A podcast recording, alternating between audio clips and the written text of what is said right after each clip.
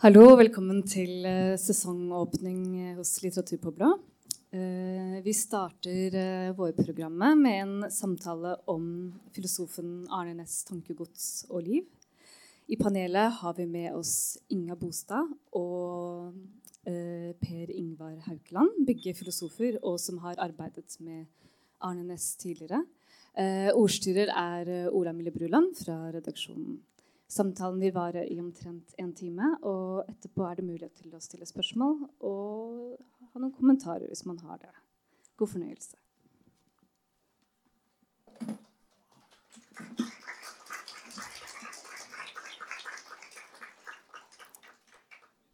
Takk, og um, velkommen alle sammen. Uh, velkommen også til uh, panelet. Uh, Inga Bostad og Per Ingvar Haukeland. Eh, I kveld skal det altså handle om eh, filosofen, eh, professoren, empirikeren, skeptisisten, positivisten, optimisten, Gandhi-tolkeren, fjellklatreren og, og spøkefuglen Arne Næss, som for ja, i januar nå så var det ti år siden han gikk bort. Uh, og som gjennom sitt 96 år lange liv uh, kom til å bety uh, mye for, for norsk filosofi, også i tiden etter at han gikk av fra sin stilling ved UiO i 1970. et par små avklaringer her først. Vi, vi, setter ikke her kun ut for å på en måte aktualisere eh, Ness tankegods i dag. Eh, samtalen kan vel så mye forstås som en eh, ja, slags påminnelse om han, hans eh, kuriøse karriere og eh, liv. Eh, feide med den annen front og, og, andre kontroverser som han skapte i sin samtid gjennom sitt arbeid. Uh, ja, vi er altså ikke her for å ja, slå et slag uh, for hans evige aktualitet, eller noe sånt, men for å minnes Eh, noe som for så vidt ikke eh, utelukker det første. Da. Um, som bøkene deres, uh, Per Ingvars 'Dyp glede' og monografien din, Inga, tydelig viser, er Ness sitt tankegods svært mangfoldig. og det kan være vanskelig å på en måte ja, forene alt tankegodset til en sånn enkel eh, grunnsetning eller kjernetanke. Um, da ville det vært litt lettere å starte denne samtalen. Um, men et sted må vi jo begynne, og siden jeg ikke er filosof, men uh, litteraturviter, så tenkte jeg jeg har litt lyst til å begynne med en uh, tekst av Arne Næss. en skjønnlitterær sådan, etter min mening. Uh, som han skrev uh, på sin tur i uh, Nepal i 1971. denne kom jeg over i Det var Vietnam. Vietnam, Unnskyld. jeg kom over denne teksten i Per Ingvars bok. og jeg tenkte at jeg skulle lese den. Den er ganske kort, så jeg tenkte jeg skulle lese den opp her nå for å gi liksom alle en fornemmelse av Ness sin ja, artige stil og folkelige tone. Eh, og så prøve å trekke fram noen litt sånn messianske eh, trekk. da. Og så sende ballen videre til disse som skal samtale i dag. da. Eh, teksten handler eh, da om noe så lite, men høyst levende som en blodigle. Eh, og den heter da 'Til lille blodigle'. Etter å ha sagt så mye stygt om deg de siste dager, lille blodigle, føler jeg stigende behov for å si noen ord som jeg også mener. Dine kår er trange, og du når oftest ikke det du strekker deg etter. Få er utvalgt til å få slengt seg på mennesker som haster forbi, og den som greier det, går en uviss fremtid i møte. Støvelen skjuler foten, og hvis den er tørr øverst, er det vanskelig for deg å forstå at veien til blodet går oppover. Du famler inn under støvelen, og bare de dype furer i vibramsålen gir deg sjanse til å overleve. Hører du til eliten, forstår du at du må oppover støvlenes tørre del, og da lukter du hudens varme nærhet. Men fryktelige opplevelser venter deg. Mellom støvel og ankel blir du presset inn i, din, i den skitne strømpen for hvert skritt. Med beundringsverdig målbevissthet og kanskje i desperasjon og fortvilelse arbeider du deg videre og er kanskje så heldig å finne deg et blodrikt sted. Er nå alle sorger slukket? Langt ifra. Etter hvert som du blir større, tykkere og mettere, og behovet for hvile og søvn melder seg, blir støtene fra støvelen verre og verre. Du synker dypere og dypere ned langs foten og klemmes langsomt i hjel. For en ublid skjebne. Til pass for deg, vil mange si. Men kanskje trenger vi årelatingen, og din medisinske praksis er upåklagelig, selv ut fra Vestlandets fanatisk hygieniske forestillinger. Du renser såret ved å holde det rent, med kjemikalier vi ennå ikke kjenner. Hindrer du blodet i såret å koagulere for en stund. Derved oppnår du at såret og huden omkring blir utmerket vasket og renset, hvor du må føle deg overlegen sammenlignet med myggen. Men, sier noen, hvorledes kan du forsvare å opptre i masser? Og er det ikke lompent å slippe seg ned i hodet på folk fra trærne? Ditt svar er kanskje ikke så vanskelig å gjette seg til. Kjære mennesker. Vi har jo overbefolkningsproblemet felles med dere. Vi ormer har ikke greid å løse det, men vi opptrer jo i masser bare i monsuntiden. Dere kravler omkring hele året. Men dere går langs de smale stiene, må dere gå langs de smale stiene nettopp i juli og august. Hvis ekspedisjonsmedlemmene tok trivselsnormene sine alvorlig, ville de unngå denne verste tiden, og de ville ikke banne og sverge så stygt som de nå gjør. Vi har holdt til her hvor du finner oss, lenge før menneskene kom hit. Vi syns ikke dere har noen god grunn til å bli så sure og sinte over å finne oss her. Vi søker blod. Hva søker dere? Så vidt vi kan forstå, er dere en verre pest enn oss. Men la oss ikke kjekle om det. La oss fortsette vårt vanskelige samliv uten bitterhet. Det var altså til Lille blodigle. Eh, og den mest eh, på en måte åpenbare nessiske tanken her er jo kanskje forsøket på å oppfatte seg selv som et eh, økologisk eh, vesen, heller enn et menneske stilt overfor eller vis-à-vis -vis, naturen som Inga, som du beskriver det fint i boken din, ikke som eh, kvartskrystaller er del av sand, men som hydrogen er del av vann. En veldig fin metafor på det. Uh, dette gjør altså Ness gjennom en identifikasjon med blodigelen som ikke trenger å bero på mer enn at begge er eh, levende vesener. Altså de deler den tingen. De er begge i live. Uh, og tross den utakknemlige jobben da, som blodigelen får, så berømmer jo Ness blodigelen for egenskaper som å rense sår med kjemikalier som vi ennå ikke kjenner, og for en beundringsverdig målbevissthet, da til forskjell fra menneskene. Eh, tidlig setter han altså denne livsformen høyere enn sin egen, eh, og da kan man jo spørre med hvilken konsekvens. Eh, er det da en nedvurdering av mennesket vi ser? Vel, om vi leser åpningen av Ness bok 'Økologi, samfunn og livsstil', så knyttes oppvurderingen av alt levende heller til en samtidig oppvurdering av mennesket, fordi som Ness skriver da Menneskene er de første på jorden som er intellektuelt rustet til bevisst å begrense sitt antall og til å leve i et varig likevektsforhold med annet liv. Og som han senere skriver, det er uverdig for menneskene å opptre slik at rikdommen og mangfoldet reduseres. Det er grovt, grovt misbruk av våre enestående evner. Og Det er derfor jeg syns den teksten er et fint utgangspunkt for neste tankegods. Fordi den som helhet uttrykker en måte å finne det han kaller dyp, dyp glede. Eh, gjennom den formen da, for nærmest sånn eh, maksimering av mennesket. Altså en slags sånn aristotelisk eh, selvrealisering, da. Eh, som vi ser her. Eh, altså bruk av si, menneskeartens unike evne.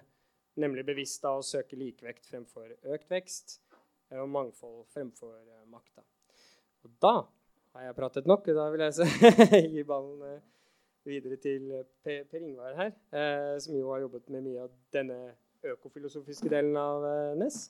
Um, og er du enig i at man kan lese teksten som da en slags demonstrasjon av eh, dypøkologien, som jeg gjorde nå? Ja, i høyeste grad. Men la meg først få si at det er utrolig overraskende, men også eh, fantastisk at det er så mange mennesker som har kommet her. og jeg er veldig nysgjerrig på hvem dere er.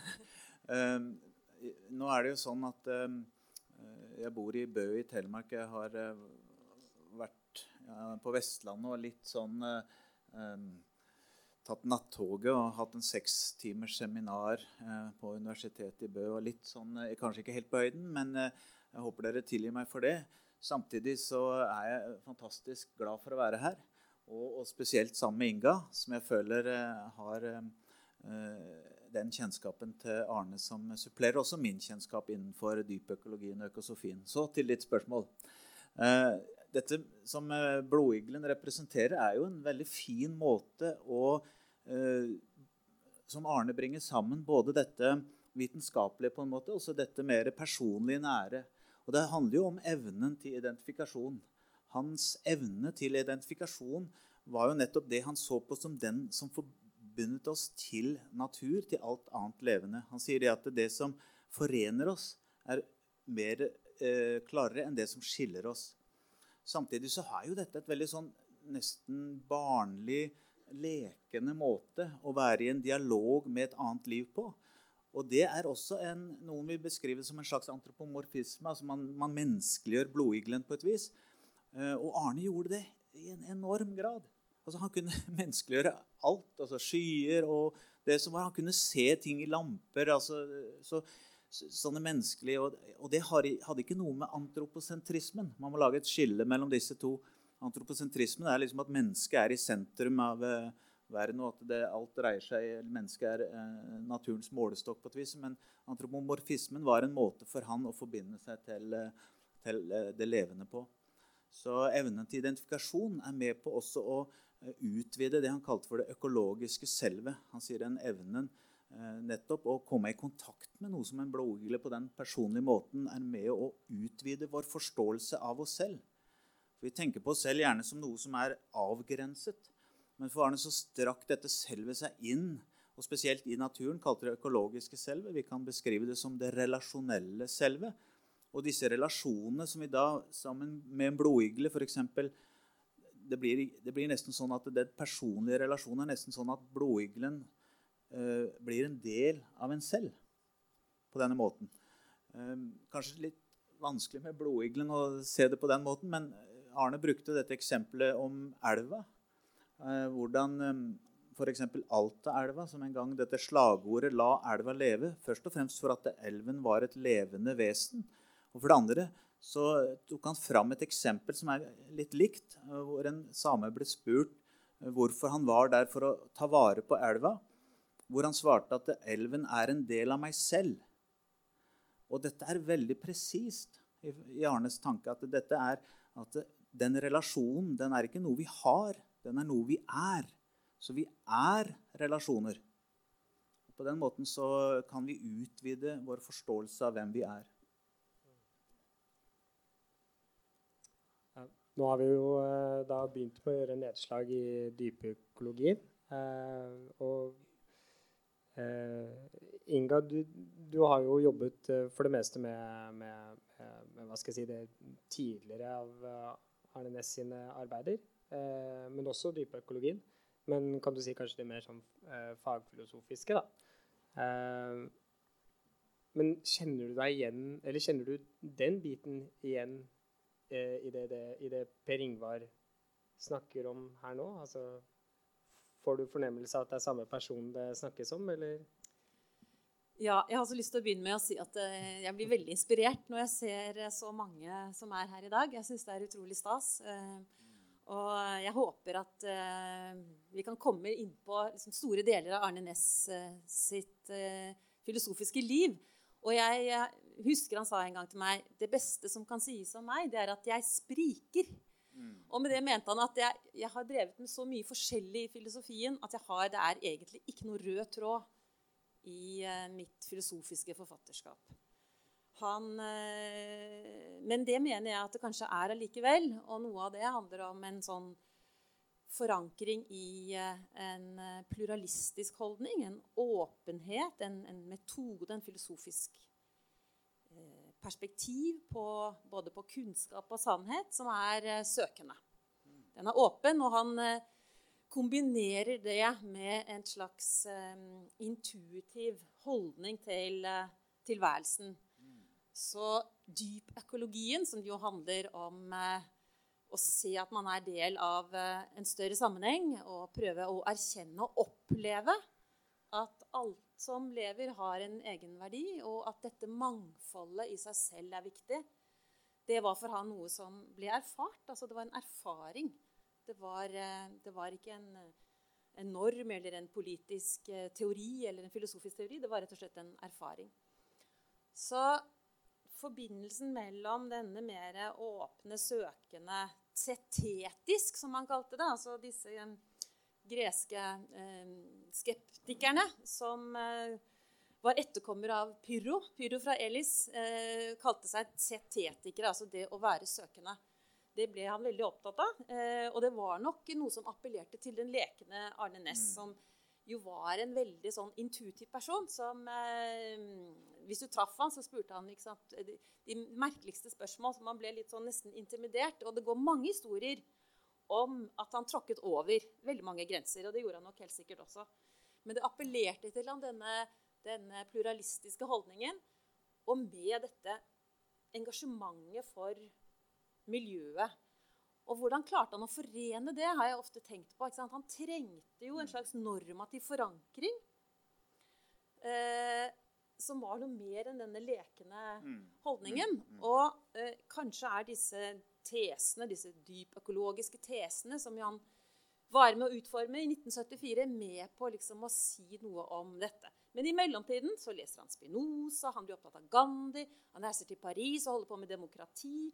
Han reiser til Wien og treffer de logiske empiristene og blir veldig opptatt av, uh, av den formen for positivisme. Du nevnte at han var positivist, og uh, det tror jeg nok ikke selv han ville vært enig i, men det er mange som har sagt at han har disse idealene. Hva er positivisme? Jo, det er å ha idealer om at man kan forklare veldig mye filosofiske teorier ved å finne saksforhold og lovmessigheter og bruke et matematisk, naturvitenskapelig språk.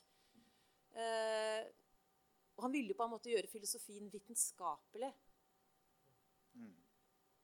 Og det er jo også en del av Arne som følger han hele veien. Mm. Og han levde jo så lenge, tenker jeg. Så han, han rakk liksom å være innom så mange steder. Men det er en rød tråd. Bare, det er jo interessant det der du, du sier med uh, hans bakgrunn. fordi når han, han, sier han spriker En gang sa han også det at uh, 'jeg hører hjemme et sted hvor det blåser sterkt fra alle kanter'. Det høres ut som Ludvig nesten. Uh, og, og i, på et slikt sted er det vanskelig å stå stille. Jeg tenker liksom på Tvergastein på hytta, hvor det, mye av hans filosofi er blitt utviklet. Så han, han, har jo alltid vært i bevegelse. Og ofte har han jo blitt sagt når vi, når vi jobbet med den livsfilosofiboka i, i 98, så var det mange som slakta litt den. Dette ville du slakta som ung. Eh, men eh, han svarte da på den, en sånn fin måte at eh, hvis en ikke utvikler seg, eller på en måte har den evne til forandring, så, så er en jo heller ikke i livet på den måten. Så han hadde Men i, i 2000 og, vi se, 2005 så kom eh, hans 'Selected Works' ut på eh, engelsk. Og Den er i ti bind. Og det tiende bindet er 'Deep Ecology as Wisdom'. Og eh, i det, introduksjonen til dypøkologien, så sier han at alt hva han har jobbet med opp til 69, da, når, 70 eh, rundt når dypøkologien begynte, så, så alt han har jobbet med opp til da, kan du få, finne igjen i dypøkologien. Og jeg har prøvd å tenke litt, fordi vi, Hva var det han da mente med det? Og I 1997 så er det en artikkel som, som heter følgende Hva mon tro Arne Næss sto for som filosof? Skrevet av Arne Næss. Og det interessante der er at det, hvis vi skal prøve å si, Jeg prøvde å gjøre det enkelt. Og så kan vi supplere, for Inga har den uh, fantastiske boken inn i filosofien, hvor det går i, i dybden av disse, uh, disse, tematikkene. Men jeg har, um, jeg har, kalt det for fem p-er. Hvis jeg kan uh, liste det. fordi den første p-en i Arnes man kan kalle det nesten livsholdning på et vis, det er possibilismen. Kalt for possibilisme. Og jeg husker han snakka om det at han, han, begynte med det allerede som barn. Hvor uh, moren hans uh, han, gikk med, til skolen med f.eks. en sokk som var på forskjellige farger. Da. To forskjellige sokk men i, forskjellige farger. Og så sa moren at ja, men sånn kan du ikke gå. Og så svarer han at jo, jo, det kan jeg jo. Nei, det går ikke an. Ja, men se, det går jo an. Og så altså, Possibilismen litt den derre åpne Alt er mulig. Han fortalte også om en eh, tur i Pyreneene hvor han, eh, han klatra ned en gang eh, var vel 19-20 år eller noe, og hadde bare et 15 meters tau med seg og, og, og, kom ned på en hylle og kom verken opp eller ned. Og der, Det kunne vært slutten på Arne Næss. Da ville vi ikke sitte her. Men da sa han at det, hans possibilismeholdning var sånn at det, det var ikke noe sted han kunne finne et, et, et, tak for å komme ut av den fastlåste situasjonen. Men bakenfor dette overhenget så er det jo mulig at det er et tak. Og så begynte han å klatre etter det. Men han, han, han sa det at han ville falle ned hvis han ikke var et tak der. Men så var det ikke noe å sitte der heller etter. Så han gjorde det og fant et tak og kom seg ut.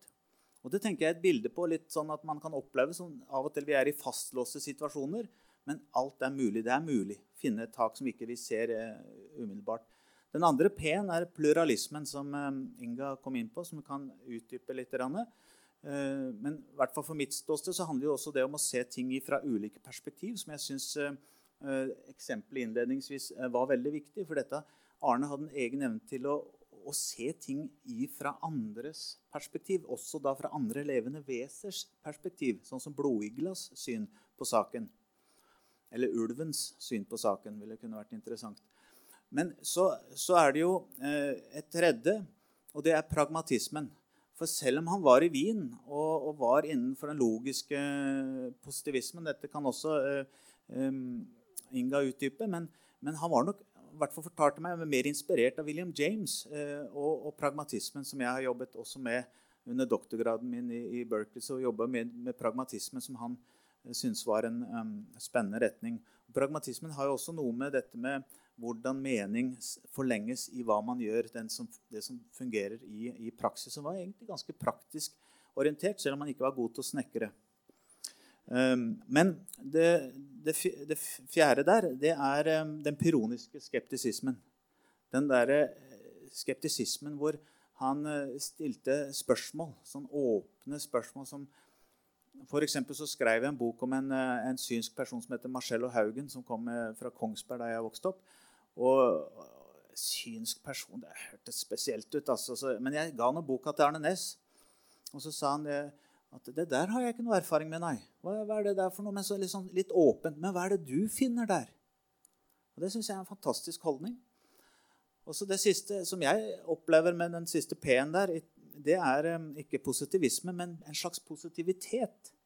Jeg syns han hadde et fantastisk eh, positivt syn på livet. altså Der hvor kanskje Zappa mer den pessimistiske, så hadde en Arne en ikuelig optimisme. på en måte. Troen på menneskets mulighet til å være en kraft til endring imot det bedre. Det hadde han på en måte. Da må jeg bare komme med et sitat fra Arne. Han sa en gang at Zapfe, Peter, tenkte på alle de triste ting som kunne skje i livet, og jeg tenkte på alle de gledelige ting. Men under tiden gledet han seg dypere og inderligere over livet enn meg. Det kan være litt sånn selvreflekterende. Men, eh, men, jeg har bare lyst til å kommentere litt, for det er veldig viktig det du sier her eh, om dette med å være pluralist og possibilist. Mm. Men det har, noen, eh, det har, jo noen, grenser for hvor langt kan du gå i å tenke at eh, du skal åpne deg opp for det, det motsatte. Han hadde jo det som en leveregel. Han, det ble jo kalt for zoologisk hage på Filosofisk institutt fordi han hadde som prinsipp at man skulle ansette de som drev med noe helt annet som man ikke visste om. Så man kunne liksom få nye faglige perspektiver. Og gjerne de man var veldig uenig i. da. Mm. Men det har jo på en måte en, en grense. Og for, og for, han så slår det da over i, i en sånn form for, uh, for normativt ståsted. Altså det må være noen normer. Og det var han jo veldig opptatt av. At, uh, at man skulle forankre f.eks. For mm. miljøengasjement da, mm. i noe normativt. Men det måtte komme fra deg selv, litt sånn sokratisk. Det er ingen som kan fortelle deg det. må du finne ut av selv. Og det var da han gikk over i, i buddhisme, som han mente var den, liksom, den korteste veien over i dypøkologien. Det var fra buddhismen. Kunne liksom, da kunne du liksom hoppe inn i dypøkologien. fordi det var snakk om å forbinde seg med liksom, det store selve. Mm. Ikke bare det enkelte meg eller det sosiale vi som sitter her, men det store selve. Altså det å være menneske. Eh, og så fikk han en gang spørsmål men, men hva, hva mener du med det. Skal vi begynne å meditere? Og så sa han du kan puste dypt tre ganger, og så er du der. Pust dypt tre ganger. Og så kjenner du den stillheten og den balansen. For i den pyroniske skeptisismen så ligger det også et veldig viktig begrep som Arne var veldig opptatt av, og det var det greske atareksia. Så kan oversettes med likevekt eller balanse. Og med det mente han at det å finne en eller annen form for at likevekt Ikke bry deg om alt det du aldri kommer til å finne ut av uansett. Hva som egentlig er sant. Det kommer du aldri til å finne ut av. Så back ut. Trekk deg tilbake. Du, han kalte det påstandsavholdenhet. Altså ikke Du trenger ikke å påstå noe der, men du kan si 'her føler jeg meg hjemme'. Her kjenner jeg 'dette står jeg for'. 'Dette mener jeg'. Ikke sant? Her er det. Og sånn kan man i en del Han var jo ikke selv troende, eh, men han var veldig opptatt av religion. Eh, og var ikke fremmed for Spinozas gud. Altså Spinoza snakker om Gud, men det er jo en sånn immanent gud. Altså en gud som fins i naturen, ikke utenfor. Ikke en gud som har skapt verden, men en gud som er i naturen. Som er naturen, Ja. kanskje. Det er et viktig poeng der. Altså, når vi skrev eh, livsfilosofiboka, som på mange måter ble skrevet eh, etter samtaler Arne og jeg hadde på Tvergastein, så var det et av de temaene som kom opp, dette med Spinoza. For jeg, jeg opplevde at um, Hvorfor snakker du ikke om Gud? Altså, Spinoza snakker om Gud, skråstrek naturen, hele tiden. Uh, og så sier han nei, uh, han mente det kunne fort bli misforstått fordi Og så hadde han en, en beskrivelse av dette med at eh, disse, eh, sal, disse prestene ofte kunne være litt sånn salige og Salvelsesfull. Og, ja, salvelsesfull og liksom eh, og synden og alt det greiene der. Så ja, men det har jo ingenting med Spinoza å gjøre. Ikke sant? Kanskje det er nettopp det gudsbegrepet Spinoza har, som vi bør høre mer om. Eh, og så, og så, s- ja, Han var ikke fremmed for det, så da skrev vi en, en, en bit av det inn i livsfilosofien. Mens eh, forlaget ville egentlig ha det ut. Eh, men det sto jeg litt inne for, for at det, da måtte, det bør være med. Og, eh, og da sa Arne husker jeg at det, han sa det at ok, da det, bare kjør på. Det, det blir som Per Ingvar skal ha det. Og Det syns jeg også var en veldig fantastisk ting. Jeg tror faktisk i dag så er hans eh, diskusjon rundt Spinoza og gudsbegrepet ganske interessant. Fordi Spinoza har et panenteistisk syn på Gud. Det vil si, altså, det er noe av Gud. Vi har jo bare, eh, har jo bare to forståelser to attributter av Gud. Vi kan ikke egentlig utenom gjennom tenkningen og utstrekningen. Er, men, men Gud har et uendelig mengde attributter. Vi vet ikke hva Gud er, egentlig. Det er poenget. Men vi kan se hvordan Gud kommer oss i møte gjennom det han kaller for natura naturans, den skapende kraften i natura, i det det også skaper. Og, og det er materielt. Det er immanent i den sammenheng. Og jeg tror um, I dag så har det jo vært en veldig diskusjon rundt dette med i sekulariseringen, hvordan gudsbegrepet har kommet opp. Og så har du den ene siden en teisme. Du har en, en, en fundamental retning innenfor teismen, opplever jeg, i forskjellige religioner. Og så har du en, en ganske eh, Altså en, sterk ateisme, eller en sekular eh, argumentasjon imot, som jeg syns har vært helt nødvendig. Helt nødvendig, den sekulære eh, biten i den ateismen. Men eh, nå er det jo en filosof i, i, i Irland som heter Richard Kearney, som har eh, kommet med et nytt begrep som heter anateisme. Altså hva kommer etter den diskusjonen mellom teistene og ateistene? Hva kommer etter det? Og Da mener han at det er en retur til eh, en gud som var før det ble egentlig en diskusjon. Og da er Spinoza interessant. Så det er kanskje interessant at dette er noe som, noe som jeg tror veldig mange eh, søker etter noe som forbinder oss til noe mer, uten at vi skal ha et dogme på det, eller en slags læresetning eller et hierarki av noen som skal fortelle oss hvordan vi skal tro på det.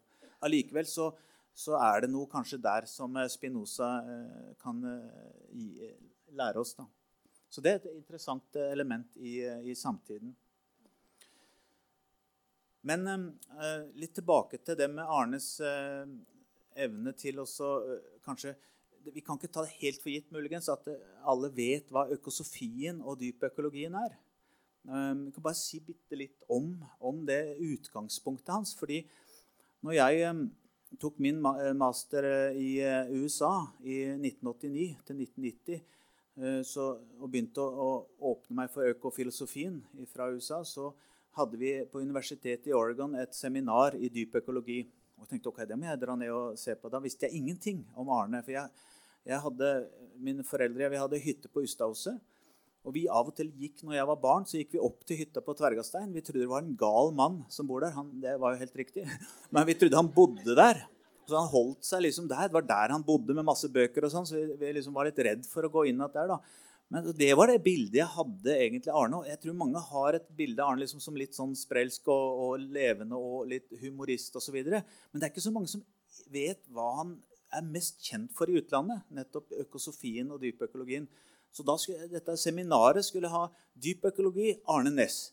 Og så når vi kom inn der, så var det eh, et, det største auditoriet på Universitetet i Oregon. Det var eh, stappfullt, og det var masse folk utenfor.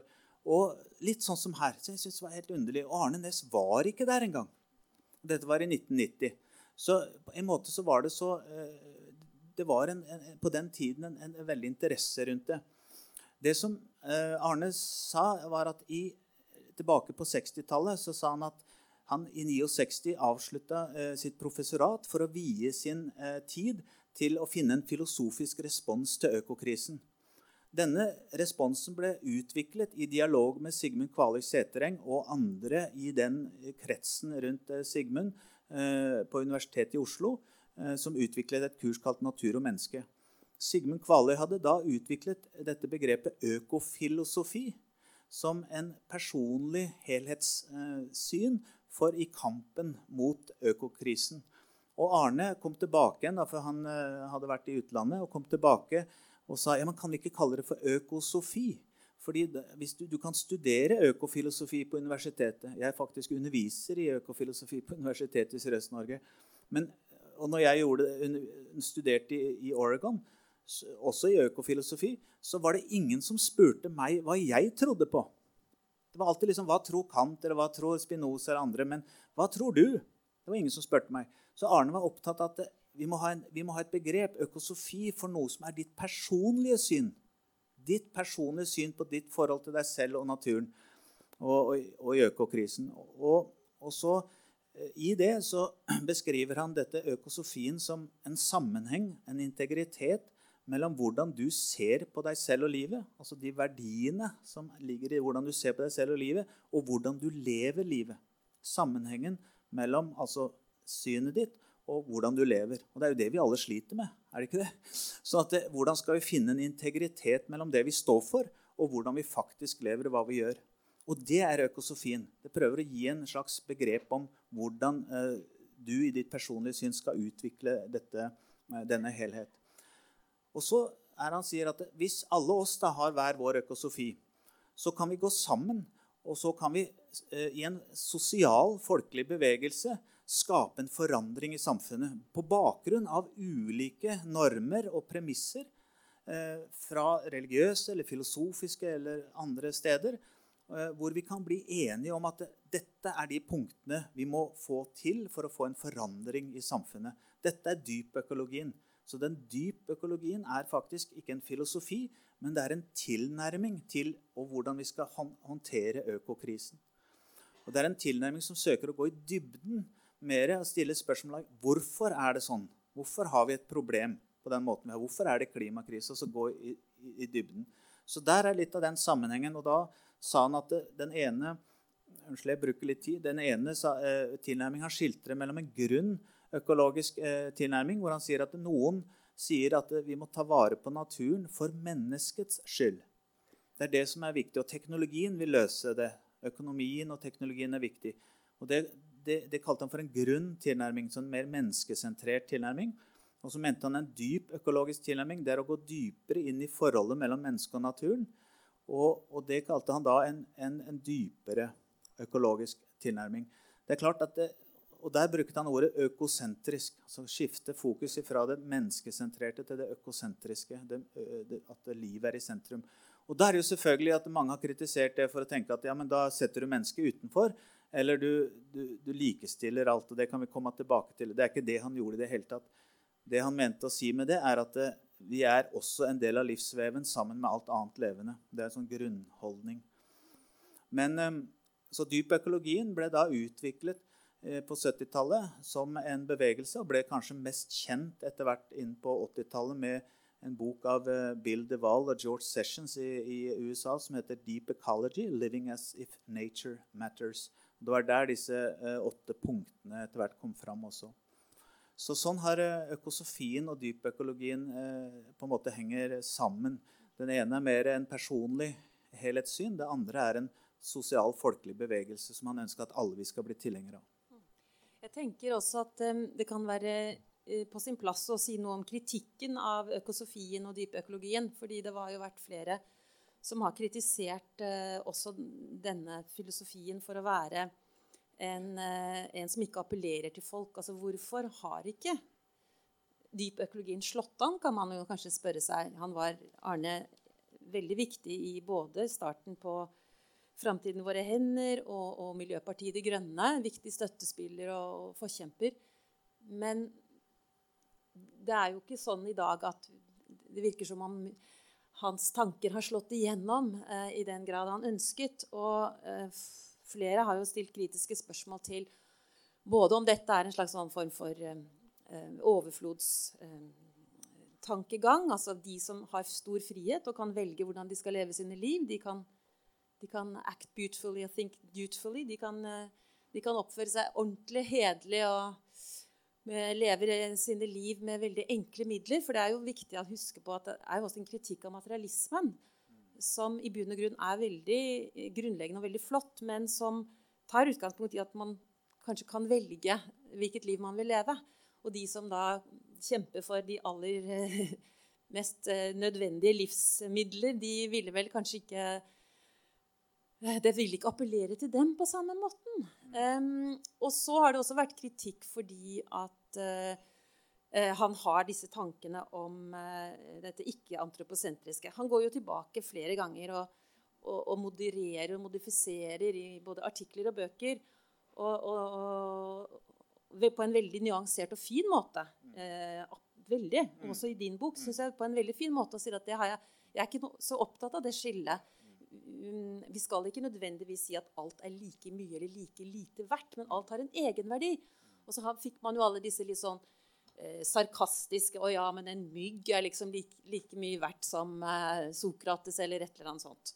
Eh, og så kom, ble han på en måte lurt litt inn da, i de debattene. Jeg var på mange debatter og, og hørte han liksom prøvde å forsvare da, dette synspunktet sitt. Men etter hvert så ble det mer og mer sånn sofistikerte argumenter. Og han sa at det er ikke det jeg sier. Jeg sier på en måte at dette er, det er den store helheten, det er den store sammenhengen. Vi lever sammen her eh, på jorda. Og eh, dette at vi ikke Hvor kommer det fra at vi skal kunne stoppe arter i å utvikle seg? Selvfølgelig er det en kamp, sa han. Han blir spurt om naturen er jo ond, som Herman Tønnesen, en annen filosof, sa. Morder natur.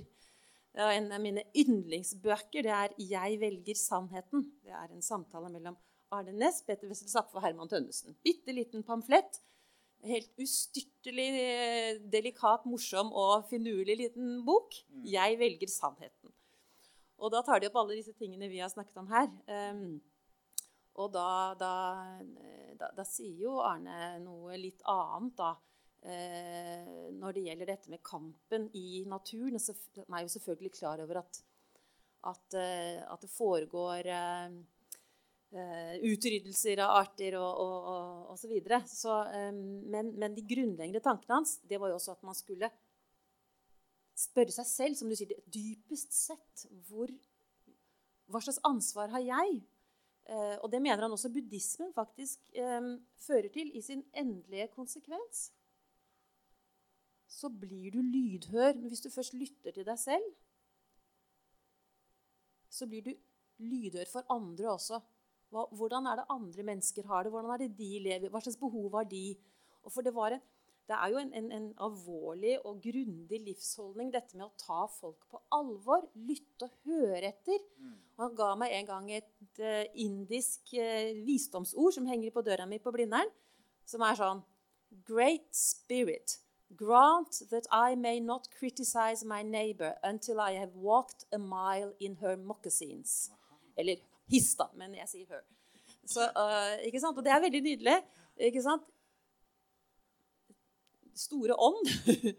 eh, jeg skal ikke kritisere min neste før jeg har gått en mil i hennes tøfler. Men vet jeg, Inga, det der er ja. kjempeflott. fordi eh, det, det, det, det, også ligger litt til disse saklighetsnormene hans. Han har jo satt opp saklighetsnormer, og det faktisk er en av de tingene jeg syns virkelig vi burde uh, bringe fram igjen. Men en av de er jo nettopp det du sier, at man skal forsøke å å gjengi en motstanders argument på så god måte som motstanderen sjøl ikke klarer å gjengi på et vis. Sånn at du skal, du skal, du skal prøve så godt du kan å lytte. Minst like bra. Minst like bra. Minst like bra som motstanderen. Og, ja.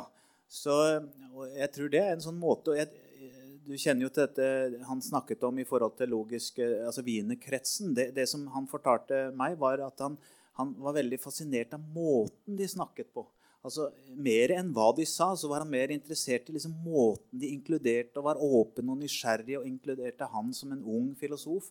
Så, så, det tror jeg han har hentet kanskje mest ifra hvordan de snakket og diskuterte. Og det tenker jeg av og til er jo i, Når jeg tenker politiske debatter, av og til hvordan det er ah, Ikke helt uh, der, altså. Men uh, OK. Så der er noe vi må hente fram igjen av neste, tror jeg, som er et, et viktig, viktig poeng. Så tror jeg også det andre, dette med e-, etikken Han var jo ikke glad i når dette kom opp, dette med myggen og, og dette med mennesker. Det blir jo så lettvint. Det er for enkelt, og han ble sliten av det der. altså Skal du sammenligne myggen og mennesket? Men, men, poenget hans var at det, sånn som Inga sier, at det er en grunnholdning at det er du i live, så er du i live. Altså, du kan ikke si at den myggen er noe mindre i livet enn deg. Sånn er det helt basisk at alt som lever, er i livet i denne livsveven på, på samme måte. Du kan føle deg selv litt som halvdød innimellom. Men, eh, og myggen sikkert òg, etter at den har fått seg et slag. Men, men, men er den i live, så er den i live. Det er en sånn grunnleggende holdning. Men senere faktisk så er det andre filosofer som har tatt dette opp. Og en av de kanskje mest interessante filosofene eh, som, har tatt dette spørsmålet opp, er en som heter David Ray Griffin, en prosessfilosof fra California. Og Han skiller mellom det som er kalt for naturens egenverdi, som var Arnes uh, ståsted, og naturens iboende verdi. Og Måten han gjør det på, jeg synes jeg er litt finurlig. Jeg vet ikke om jeg er helt enig, men, men her er i hvert fall hva han sa. Og det er at På den ene siden så er dette grunnleggende at alt som er i live, i livsveven, er likt i livet. Det er ikke noe mer eller mindre i livet. Men hvordan, i og med at alt henger sammen, så er det ikke alt som bidrar til livsveven på samme måte. Og Sånn sett kan faktisk blodigla ha større verdi for økosystemet enn mennesket i den sammenheng. Skjønner du hva jeg mener med det? Altså det er litt det at det, på et vis mennesket kan eh, på mange måter være en belastning for et økosystem. Det kan skape ødeleggelser, som vi ser. Og På den måten så, så, så gjør han et skille at mennesket kan ha lavere iboende verdi i det økosystemet som det raserer og ødelegger, enn den eh, blodiglen eller den eh, eh, en mosen i, i, i, i i økosystemet. Det kan nesten vitenskapelig, empirisk forsøke å beskrive. hvordan det der, hva, hva, er det for noen arter bringer inn til økosystemets eh, mangfold. Det er i hvert fall hans forsøk. Jeg vet ikke om det er Eh, helt gjennomførbart, men det er hans ståsted. Det er veldig fint å høre at du snakker. Jeg tenker at vi kan ikke, vi kan ikke la være å nevne eh, eksamen filosofikum, Exfil. Og den boken han kanskje er mest hva skal vi si, eh, har dypest inntrykk på nordmenn gjennom mange generasjoner, nemlig en, del elementære logiske emner. Eh, og kanskje den mest betydningsfulle boken hans om, tolkning og presisering, um, har jo hatt en enorm gjennomslagskraft uh, på generasjoner av norske akademikere. Og jeg har spurt flere, av de sier X-felt, tolkning og presisering, argumentasjonsteori, det husker jeg. ass. Det var veldig bra.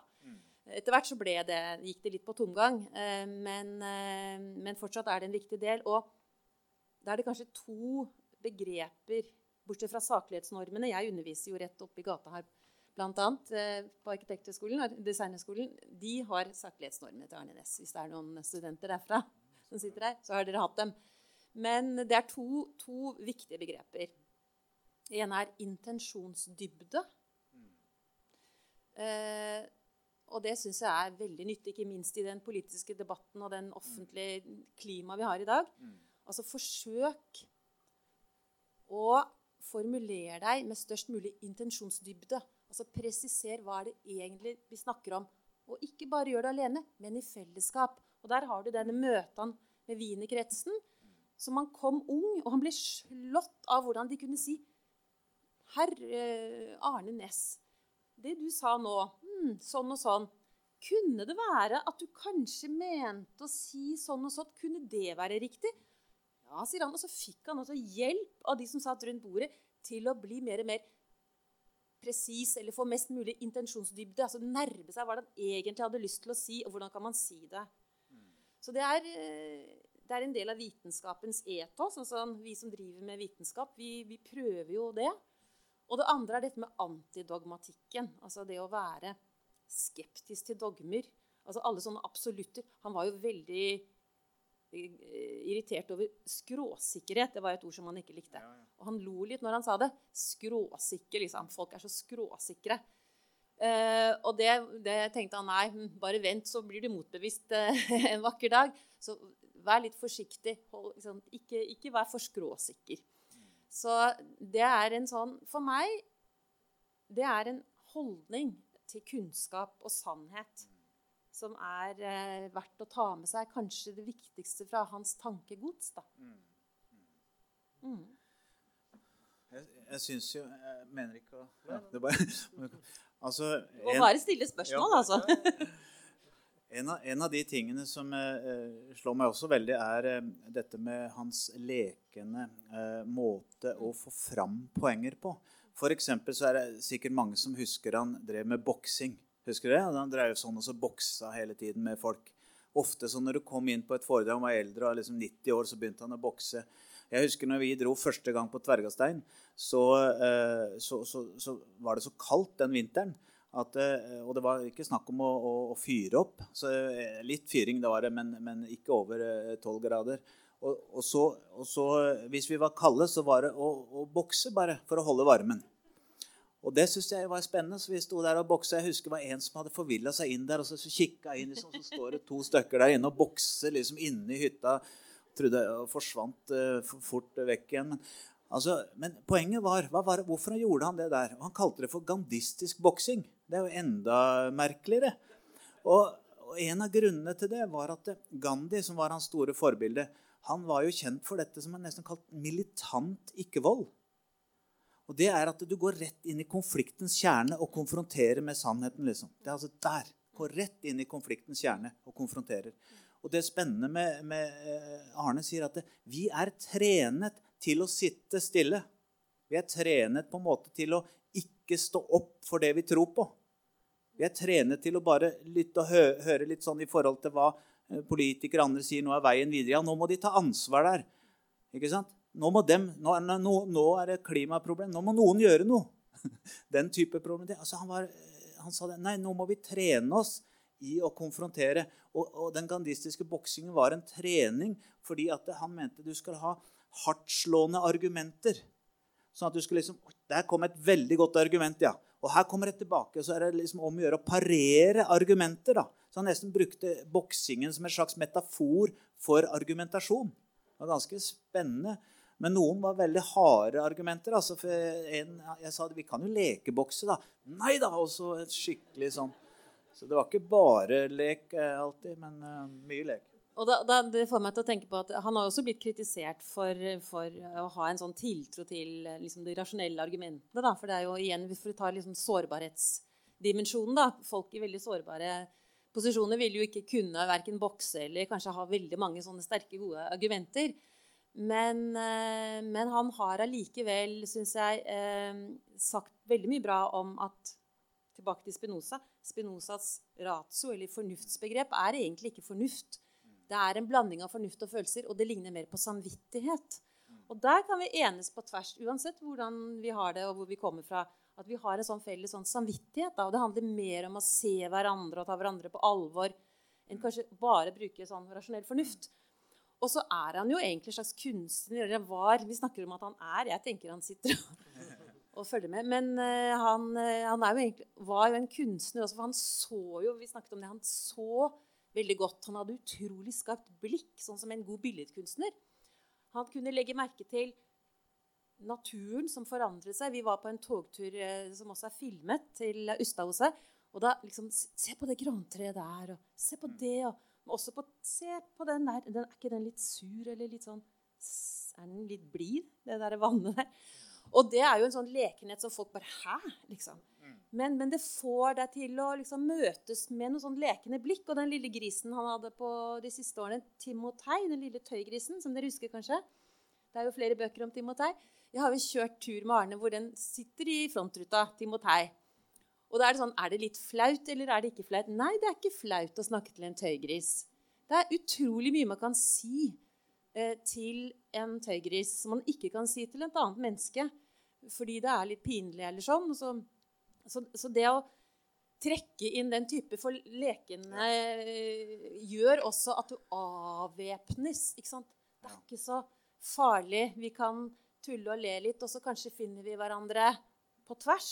Jeg må, jeg må kanskje fortelle en uh, historie. For mitt første møte med Arne var på fredag. Da hadde jeg jo kommet tilbake fra USA. Jeg var et par og tjue år. Og så skulle vi um, altså, oppsøkte han på Gamle Rådet, uh, Ullevål kino der.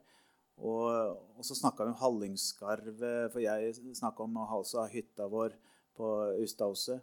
Og, og, dette med Hallingskarvet som en sånn eh, stor figur. da. Men da sa jeg ok, du må bli med til Tvergastein. Vi drar på mandag. Og jeg tenkte wow! Og da var jeg ung liksom, og var veldig ambisiøs filosof, så jeg tenkte at ok, nå, skal jeg, nå, nå pakker jeg sekken. Jeg pakka masse sånn filosofibøker og etikken. Jeg satt og leste i Spinoza til etikken.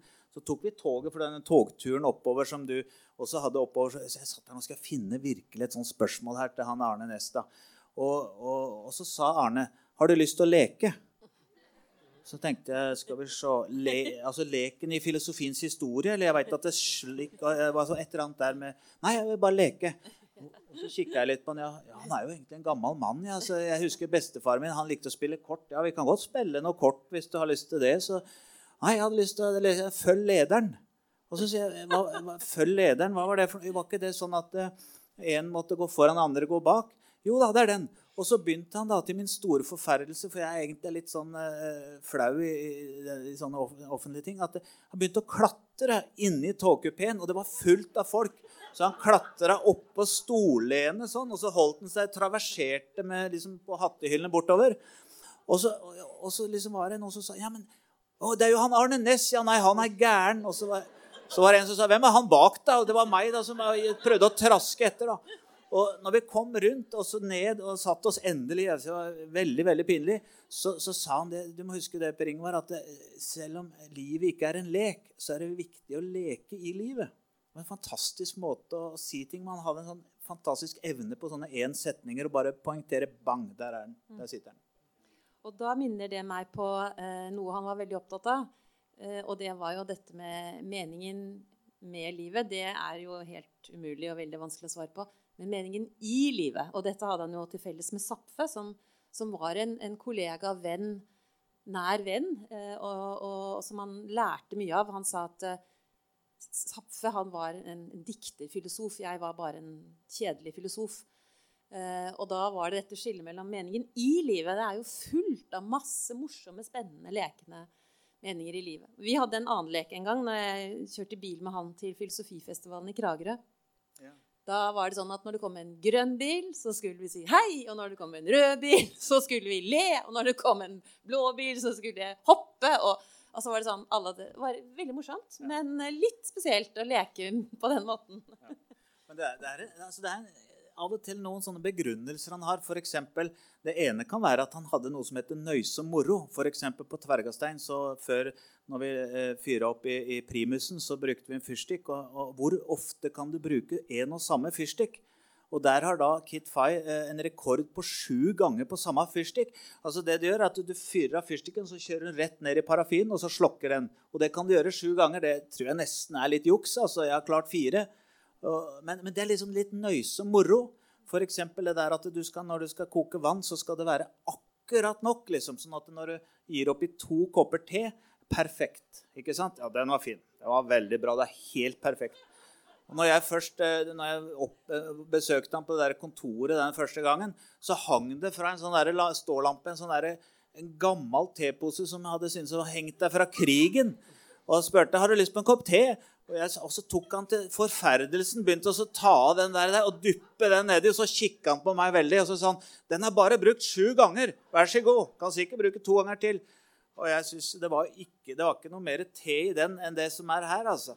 Og, men allikevel så var det litt sånn fordi det andre det var nøysom moro, men det andre var å bryte normene.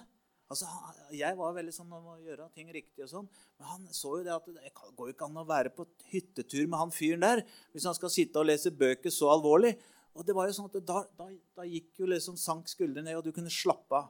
Og Sånn var det der sjøl. Han, han, hadde en evne til å bryte med noen av disse normene som er vanlige. Og jeg husker det på tog, eh, de der folka som satt liksom, Nå sitter jo alle på mobilene, men da i 1990 så satt de jo i aviser og sånn. Men alle var jo, det blei sånn god stemning i den togkupeen. Så når vi gikk av toget på Østadhuset, så var det sånn Ha det bra! Det var, takk for turen! Og masse sånn. ikke sant? Så. Men for å skape litt balanse, da, eh, så eh, sånn på begynnelsen av 90-tallet så ga jeg ut to bøker som het 'Filosofi på norsk'. Og da sendte jeg rundt eh, brev til norske filosofer og spurte dem litt om, om Arne Næss. Og, og det, var, eh, det, var, veldig mye forskjellig som kom, og mange av de eh, hadde et veldig kritisk blikk og perspektiv. Og noe det, Noen sa at jeg, jeg kan ikke være i samme rom som han.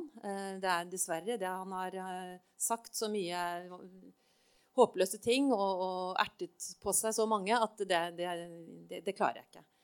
Og andre mm, skrev litt mer sånn forsiktig, men, men, mye av det handlet om disse practical jokes. Han gikk over streken. Og jeg kan historier som overhodet ikke egner seg i denne salen. for å si det sånn. Eh, og ville eh, skapt om stemningen til noe helt annet. Men, eh, så det er Han har jo også beveget seg i, i over masse, disse tiårene og fra å sprenge grenser på en kanskje ufin måte um, til, til, å ha dette større liksom, alvoret, dette engasjementet i mm. denne leken. Da. Mm. Det er viktig å minne om um, også. Mm. Det, er jo, det er jo klart at det, altså det var jo um, altså Leken Det kan ha blitt litt mye av det liksom mot slutten. Jeg, var, jeg tror jeg var heldig som traff han i 1990, fordi da var han i ferd med å Altså han, han, han, begynte å slappe mer av, tror jeg. Jeg tror ikke det var så lett kanskje tidligere år. Han kunne være nok litt sånn øh, vanskelig i, i, i, i jobben med, muligens. Men for meg så opplevde jeg ikke det i det hele tatt. Det Var veldig forstående. Når jeg bodde i Berkeley, så kom han og besøkte meg. Vi reiste rundt og holdt foredrag. og, og hele tiden var en kjempestøtte. Kunne komme sånne små uh, kort hvor han sier bare 'stå på'. Utropstegn. Ingenting mer. Og, men, men, en av de tingene kanskje jeg kan si litt om hans egen økosofi. For du nevnte jo dette normative. og Han setter jo opp selvrealisering som et av de grunnleggende hans norm, som alt skal gå ned tilbake til. Og for eh, Arne så selvrealisering er jo knytta til dette atman, altså denne utvidelsen av selve. Og eh, dette er litt interessant, for i hans, eh, i hans egen økosofi så, eh, så, så, opplever han dette med den evne til identifikasjon vi sa, og dette utvidede selve som en måte å forbinde oss til verden. Mens i dag så opplever jeg at vi lever i en slags stor adskillelse. Altså Kulturen vår har adskilt på mange måter mennesket og naturen. Vi snakker om naturen som noe der ute. Til og med dette programmet, tittelen 'Ut i naturen'. Altså, i, i um, de, de, hadde et program om oss og familien min og jeg. Og da spurte jeg kan du ikke i hvert fall kalle det 'Inn i naturen' eller et eller annet. Sa nei, nei, det er en merkevare, dette her. Ut i naturen. Men hvor er vi da? Hvor er vi mennesker? Hvis du allerede da har en oppfatning om at naturen er der ute. Så det, det er en slags adskillelse der. Og den adskillelsen også går imellom, jeg tror, mellom det rasjonelle, tanken, på en måte, og den sanselige, kroppslige forbindelsen til naturen. Og det er her jeg syns det er interessant at Arne åpner opp for, for det, på den ene siden den sanselige måten å forbinde seg til naturen på. var veldig kroppslig i den måten. Det var ikke veldig sånn rasjonelt på den, eh, det han kalte for snusfornuften. Det var en dypere ratio som var en intuitiv forbindelse til naturen. Og, og, og følelsesmessig forbindelse. Faktisk i livsfilosofiboka het eh, en sånn arbeidstittel het 'Følelsenes filosofi'. Fordi han var så opptatt av hvordan følelsene er det som forbinder oss. Så Sånn sett så, så opplever han at det er et skille mellom altså, hvor Vi er så opptatt i hodene våre hele tiden. Vi glemmer at det, vi er kropper. Så er liksom, Kroppen er på en måte stativ for hodet. Men, men eh, for Arne så var det nettopp å komme inn igjen for å gjenskape en forbindelse gjennom følelsene og i kroppen. Eh, Zapfe var jo eh, veldig kritisk også til det med tanken. Han snakka om dette eh, at mennesket er jo et tragisk vesen. fordi det opplever jo at det, det som den opplever som det mest betydningsfulle hos mennesket, nemlig at vi er tenkende vesener, det er også vår eh, undergang. på en måte. Han snakka vel om et sånt et hjortedyr. Ja, som, som gjorde at eh, etter hvert så blir vi så store i hodet at vi knekker nakken med eh, så storhodete vi, vi blir. Mens eh, for Arne så han, Det jeg kaller for en stor gjenforening. Så handler det om å, å, gjenforene seg til det sanselige. Men så er det det siste, og det er nemlig i, i kulturen vår så har vi avfortryllet naturen. Altså Det er ikke noe sjel i, i, i naturen. Det er, ikke, det er avfortryllet. Så sånn sett så er det blodigle. Det er jo bare det er sånn subjektiv pjatt det der, der å snakke om blodiglen på den måten. Men for Arne, nei. Dette er en forbindelse som også er der. Han kaller den for spontan, direkte forbindelse. Faktisk i sine senere år en fantastisk bok han har skrevet som heter eh, 'Det gode, lange livs far', om Tvergastein. Der beskriver han Tvergastein i mytopoetiske ordlag. Og den mytopoesien er faktisk en gjenfortrylling av naturen. Altså, Der hvor fjellet ikke bare er en haug med stein, men det er en farsfigur. Det er noe vi kan se opp til, noe vi kan ha en dypere personlig relasjon til. Det syns jeg er et spennende perspektiv. Der har jeg nok litt mer sånn kritisk perspektiv til det. For jeg har jo sagt at det der er, det der er en morsfigur. Det er, det er, det du savner. Ja. Det skriver jeg i boken. Ikke, ikke far, det er mor. Ja, ja, ja. Men uh, det er det ene. Og det andre er at uh, Kjell Madsen skrev en veldig god kritikk av Arne Næss uh, for noen år siden, hvor han skriver at faren med den formen for i, å, å, gå opp i naturen, er at du blir borte i naturen. Altså, det, er, det, det, det er antydninger hos eh, Nest til at man, han forsvinner inn i naturen. Og da blir koblingen og, og, og ansvaret i forhold til det samfunnet vi lever i, kulturen, blir borte. Altså, eh, Alt begynner å sveve. Liksom. Alt blir bare, blir bare, en del av naturen. Og det, den argumentasjonen syns jeg egentlig var ganske treffende. Um, men han har uh, prøvd å svare på den uh, ja. også. Han snakker jo om mm. det lille selve. Han sier det, fordi mm. Ofte så i buddhisme så kan man snakke om en nirvana som en utviding av selvet, og så forsvinner du inn i altet. på en måte. Men det for Arne var jo nei. Aldri. Lilleselvet skal være der. Vi må ha egoet der. Så på en måte så forankra han jo eh, utvidelsen av selvrealisering ikke for noe som går på bekostning av lilleselvet, mm. men noe som utvider. Så du beholder din unikhet. Du er unik i verden. Ingen som deg, men samtidig er du relasjonell. Og Det er den eh, balansegangen som er en hårfin balanse. For vi, har, vi, vi tenker ikke, vi, vi, har ikke helt begreper. Det blir liksom litt et enten-eller. Men Arne hadde nok et sånt perspektiv. Men det som jeg syns også har vært en viktig kritikk, for så vidt, det har jo kanskje dette kulturelle aspektet. da. Mm. Uh, han, han, ikke, han, har jo skrevet en bok om hvilken verden er den virkelige, hvor han prøver å ta opp dette med kultur osv. Så, videre. så han hadde jo et perspektiv på det. Men det tror jeg kanskje er et av de elementene han kunne ha utforska enda mer. Hvordan vi, er, hvordan vi er forankret i en kultur, i et samfunn som også på mange måter blir bestemmende for hva vi ser. Mm. Bare, nå skal vi begynne å avrunde, men uh, jeg kan ikke gå herfra uten å minne om denne boken, som ved siden av boken hans om skeptisisme Jeg har jo skrevet doktorgrad om skeptisisme. Så har, eh, har, denne vært eh, viktigst for meg av de Arne har skrevet. Den heter rett og slett 'Vitenskapsfilosofi'. Og, og, han går gjennom ulike tradisjoner på en utrolig klargjørende og flott måte. Og han sier en del om forbindelsen mellom med, altså vitenskap og kunnskap og teknologi. Og eh, hadde folk hørt på den advarselen mot eh, bruk av teknologi som han går gjennom i andre bøker også, så tror jeg vi hadde vært et annet sted i dag. Og det er veldig veldig viktig at man aldri skal slippe liksom, teknologien løs, men man knyttes til en normforankret eh, filosofi. Da. Grunnlagsspørsmål i filosofien må knyttes til teknologien. Og det hadde jeg lyst til å si sånn helt på tampen. For jeg, vi må åpne opp for spørsmål fra salen. Det må vi helt klart. Ja. Um, først, tusen hjertelig takk for denne fine samtalen. Ja.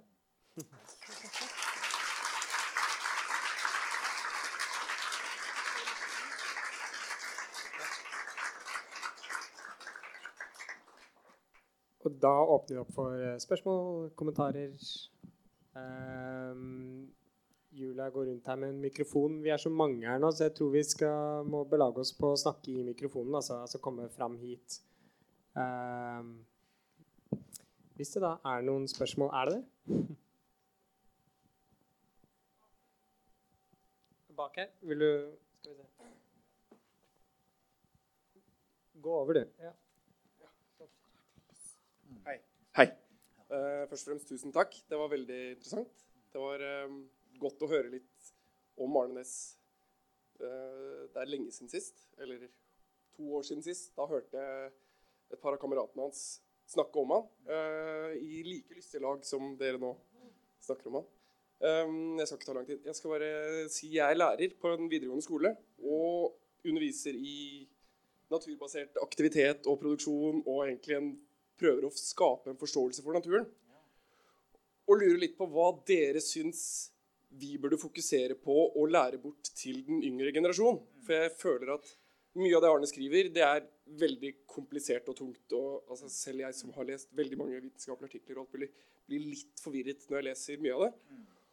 Og lurer litt på hva dere kan da foreslå at skolesystemet burde få inn. For jeg føler at det er en som dere sier, en distansering fra naturen. Det er kanskje det største problemet jeg ser i verden i dag. At vi, vi skjønner ikke hvor viktig det er for mennesket å, å, å, å, respektere og ha en forståelse for å jobbe med naturen mm. istedenfor mot naturen. Vi ser oss selv som fienden. Vi ser oss selv som Naturen er der borte, mennesket er her. Alt annet er noe helt annet enn mennesket. Og Derfor må vi nesten kjempe imot det og ta utbytte av det og ta rikdom av det osv. Så, så, videre, så, så jeg skal avslutte før jeg begynner å bable altfor mye. Men, um, har dere noen ja. sånn noenlunde korte svar, så ville jeg satt pris på det. Jeg tror veldig mange andre vil også satt pris på det. Hva skal vi lære til ungdommen for at planeten vår skal bli tatt godt vare på? Det var et kjempegodt spørsmål. Veldig bra. Veldig bra tema. Veldig godt. Altså, det, det, er, det er, jo eh, flere kanskje innspill til det, men eh, et av de tingene som eh, bare begynner med Arne sin ting i livsfilosofiboka så snakka han om eh, avlæring. Det er et fenomen vi må bringe inn. Avlæring av denne måten å tenke adskillelse. Det er det, ble det, det. Så altså avlæring er det ene. Så, altså den måten å tenke adskillende på. Men det andre så jeg, jeg kaller den store adskillelsen, den fortellingen, for et naturfravær i samfunnet vårt. Og en eh, forsker i USA som forsker på barn og unge, som heter Richard Lew, som noen av dere sikkert kjenner, som skrev en bok som heter 'Last Child in the Woods', han utviklet dette begrepet som heter 'nature deficit disorder'. Han sier at vi har mangel på natur. Så det er en slags mangel på natur i livene våre. Og veldig, veldig ofte så er vi lite i natur i hverdagen. Eh, og han ser det spesielt hos barn og unge. Han gjorde forskning på barnehager og, skoler hvor det var eh, på den ene siden eh, inner city schools, og så var det på den andre siden naturbarnehager og naturskoler. Og så markante forskjeller. Hvor at barna som gikk i naturbarnehage og skoler, de mere, hadde en mer ro. De hadde mer balanse i kroppen, de hadde mer samarbeid og litt mer trivsel. Uten at dette er et veldig omfattende stykke arbeid, så i hvert fall synliggjør det en, en, prosess. Og det, det vil jeg kalle for eh, det motsatte av naturfravær. Det er naturnærvær. Og naturnærvær det er på mange måter for eh, Arne handla om nettopp denne åpenheten for å være til stede i naturen. For det du møter, ikke bare se på naturen som en læringsarena, eller se på naturen som en rekreasjonsarena, men naturen er levende liv. Det er vårt fellesskap. Det er vårt nabolag. Det er andre levende vesener som bor i vårt nabolag. Bli kjent med dem. Prøv å oppsøke dem. og se. Det er den måten jeg tror du kan bygge naturnærvær. Og for barn og unge så jeg elsker jo det der. Jeg underviser nå eh, på Universitetet i Sørøst-Norge, men, men, eh, er mye ute i barnehager og skoler eh, med den type eh, problemstilling. Så tusen takk for det spørsmålet. Veldig viktig. Jeg har bare lyst til å føye til at jeg er jo nå på Pedagogisk institutt på Blindern, eh, professor i filosofi der. Og vi driver jo veldig mye med disse overordnede nye generelle læreplanene, som har én av tre sånne søyler som skal gå på tvers av alle fagene.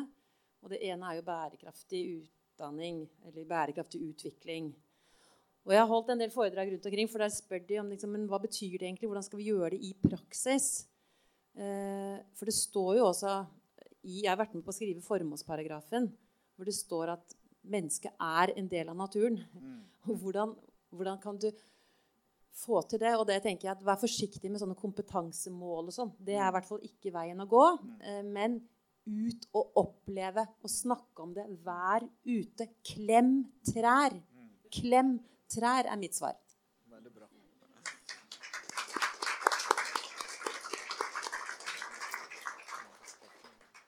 Takk. Fint spørsmål. Uh, flere spørsmål? Det må gjerne være enda litt kortere, altså.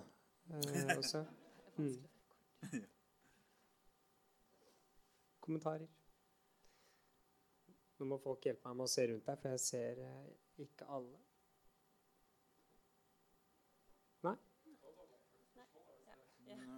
Her er det et uh, spørsmål. Hei.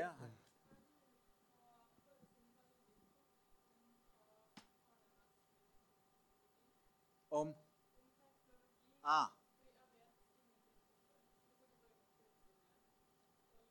Mm. Ja, altså, Han har jo skrevet en bok som heter 'Teknologi, menneske og livsstil'. eller noe sånt, Samfunn og livsstil. Eh, og der, Han mener om teknologi. Det er litt vanskelig å svare raskt på. og Han er ikke, han er ikke noen sånn teknologiskeptisist, eh, eller noe sånt, men han, han, tar for seg en del eh, og sammen med andre har han skrevet flere artikler om f.eks. ingeniørutdanningen og, og, en del sånn tekniske utdanninger, og at det må kobles opp mot filosofisk grunnlagsspørsmål og etikk. Eh, er liksom ett svar han gir. altså At man må se teknologien i en sammenheng. Den er alltid Den kan brukes, og den kan misbrukes. Se kunnskapen i en sammenheng. Og teknologi må knyttes da til spørsmål om hva er et godt samfunn?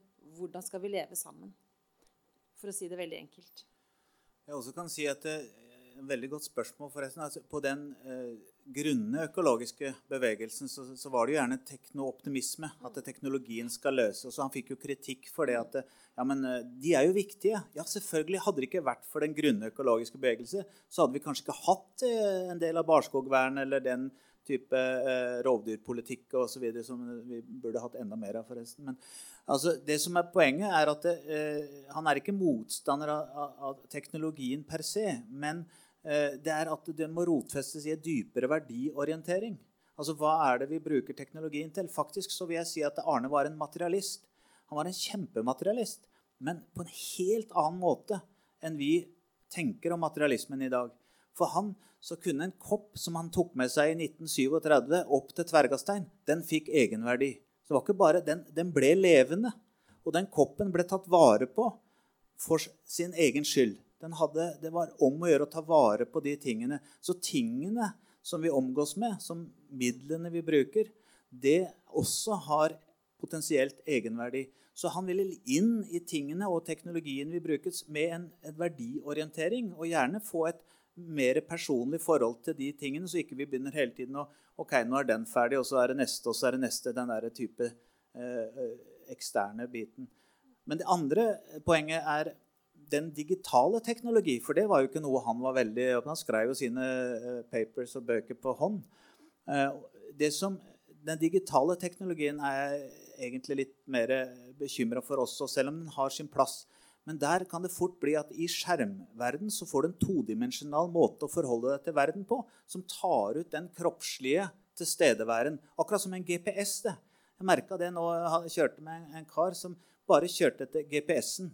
Og så sa han ja, jeg, nå har jeg egentlig mista den evnen til å liksom legge merke til ting rundt meg. Jeg bare hører på hun dama, så går det sin vei. Og det tror jeg er litt skummelt. At vi blir så på en måte atskilt. Vi, vi bruker teknologien som et medium mellom oss og naturen og, og, og, blir mindre oppmerksomme, rett og slett. Så den biten kan være interessant å, å, å trekke opp i. Så. Takk. Mm. Uh, et siste spørsmål? Siste kommentar? Tre, to, én. Ja, nei, men da Da får jeg bare si tusen takk til, til dere. Og til dere. Jeg må bare si at det er mm. fantastisk at dere er her. altså. Mm. Jeg er utrolig glad for deg. Som Inga sier, det er inspirerende til tusen. altså, Så nå skal jeg hjem og ta opp igjen gamle notater fra Arne Næss sitt samarbeid. Virkelig, veldig bra. Takk for oppmøtet. Takk.